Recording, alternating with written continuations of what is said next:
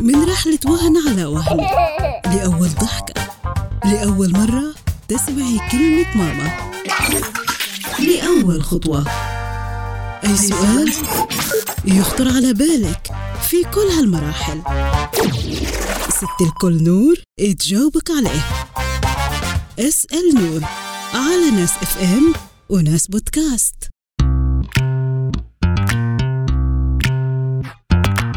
اختيار التخصص الجامعي. يأخذ الكثير من التفكير ومن النفسية عند المراهقين وعند الأهل في مستقبل هذا الشاب الواعد.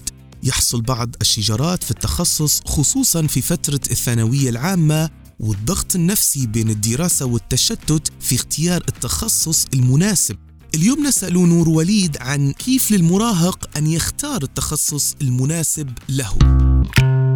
لازم المراهق يعرف إنه كل التخصصات مفيدة للمجتمع وكلنا بنحتاج التخصصات سواء من دكتور لمهندس لحرفي ما عنا أي تردد لهي المواضيع بس لازم يعرف إنه التخصص ما بيعطيه مكانة وقيمة على العكس هو حيعطي وزن للتخصص اللي بيشتغل بيشتغله أو بيدرسه بضمير لأنه في كتير دكاترة مش كل الدكاترة نحن بنعرفها بهالحياة مش كل المهندسين بنعرفهم مش كل الحرفيين على العكس في أسامي مميزة بالحرفة أو بالتخصص المشي فيه لأنه تعبوا وسعوا واجتهدوا بالتخصص اللي هم كانوا يحبوه. فاختار التخصص اللي بتحبه وانت رح تكون مميز بهذا التخصص ولا تفكر بالعكس إنه لا أنا بدي اخذ تخصص كتير صعب أنا بدي اخذ هذا المسمى عشان ينادوني بهذا الاسم وبالأخير هو الاسم ما رح يعطيه قيمة على العكس هو رح يصنع الاسم والمكان المجتمعية. إذا اجتهد وحب التخصص وعاطى وكان مميز في الدراسة وفي عطائه للمجتمع اللي هو عايش فيه. السؤال الثاني كيف ممكن يواجه المراهق رفض الأهل في اختيار التخصص اللي يحبه؟ طبعا هاي مشكلة متراودة كتير بأغلب البيوت. بيكون الأهل حابين هاي الفكرة إنه ابننا يكون المميز وإنه هي المسمى اللي بيعطي قيمة ابنهم المراهق أو المراهقة. حاولوا أول إشي بنصح المراهقين إنهم يحاولوا يناقشوا أهلهم آه، ليش هم بيحبوا هذا المجال؟ ويسمعوا من أهلهم. يمكن كمان الأهل لهم صحيح لهم وجهة نظر معينة نحن ما بنعرفها. هم أدرى بالتخصصات أدرى بالمكان اللي أنتم عايشين فيه وممكن ما عندهم هاي الوعي يمكن خاص هو حابين يشوفوك بهذا المسمى. أنا بنصح المراهقين إنه فيك تدرس أكثر من تخصص. أكبر غلط إحنا بنعيشه بهالزمن إنه تخصص واحد هو اللي حيخليك تعيش فيه للأبد. لا ممكن أنت تدرس التخصص اللي بدك إياه أو الأهل اللي بدهم إياه وبعد فترة ترجع التخصص اللي نفسك فيه. ففيك أنت تسايرهم بالتخصص اللي هم بدهم إياه وبعدين على كبر أو على لأنه الدراسة ما بتوقف.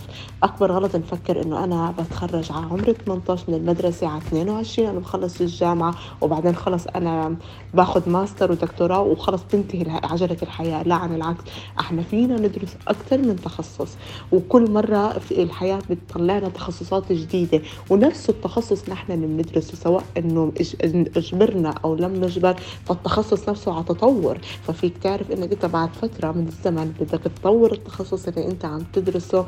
في كورسات في شهادات أكثر فلا بد إنه يعرف إنك فيك تاخذ التخصص اللي أهلك جبروك فيه بس كمان على فترة تانية ممكن ترجع التخصص اللي أنت بتحبه وبعدين بتشوف نفسك أنت وين. ممكن تلاقي أهلك كانوا هم صح أو ممكن تقول لأ أنا اللي كان شغفي صح وتستمر بشغفي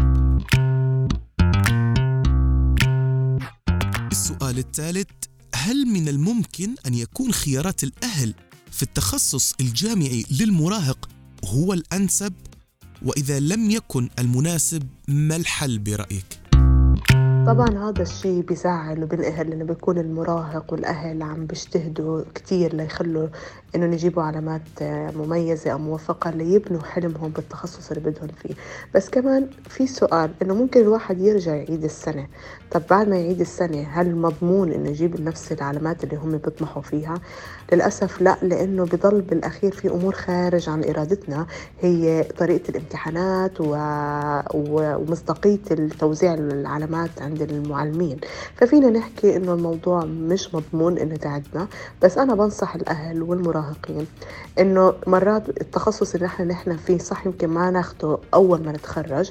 فيك تدرس بالتخصصات المتاحة أو إنك تشوف تخصصات التخصص اللي بتحبه مكان تدرس خارج عن دولتك لأنه هلأ صار كل إشي مسموح صار كل إشي سهل من ناحية السفر والدراسة.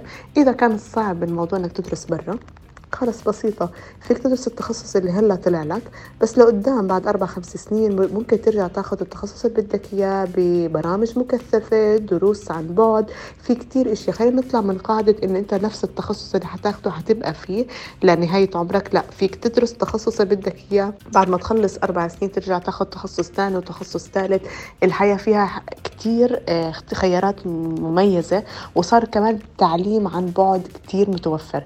فخلينا نطلع من هاي القوقعة إنه إنه الحلم رح ينتهي إذا ما أخذناه بعد المدرسة دغري لا فينا ناخده لبعدين وندرسه بعدين. من رحلة وهن على وهن لأول ضحكة لأول مرة تسمعي كلمة ماما. لأول خطوة. أي سؤال يخطر على بالك في كل هالمراحل. ست الكل نور تجاوبك عليه. أسأل نور. على ناس اف ام وناس بودكاست.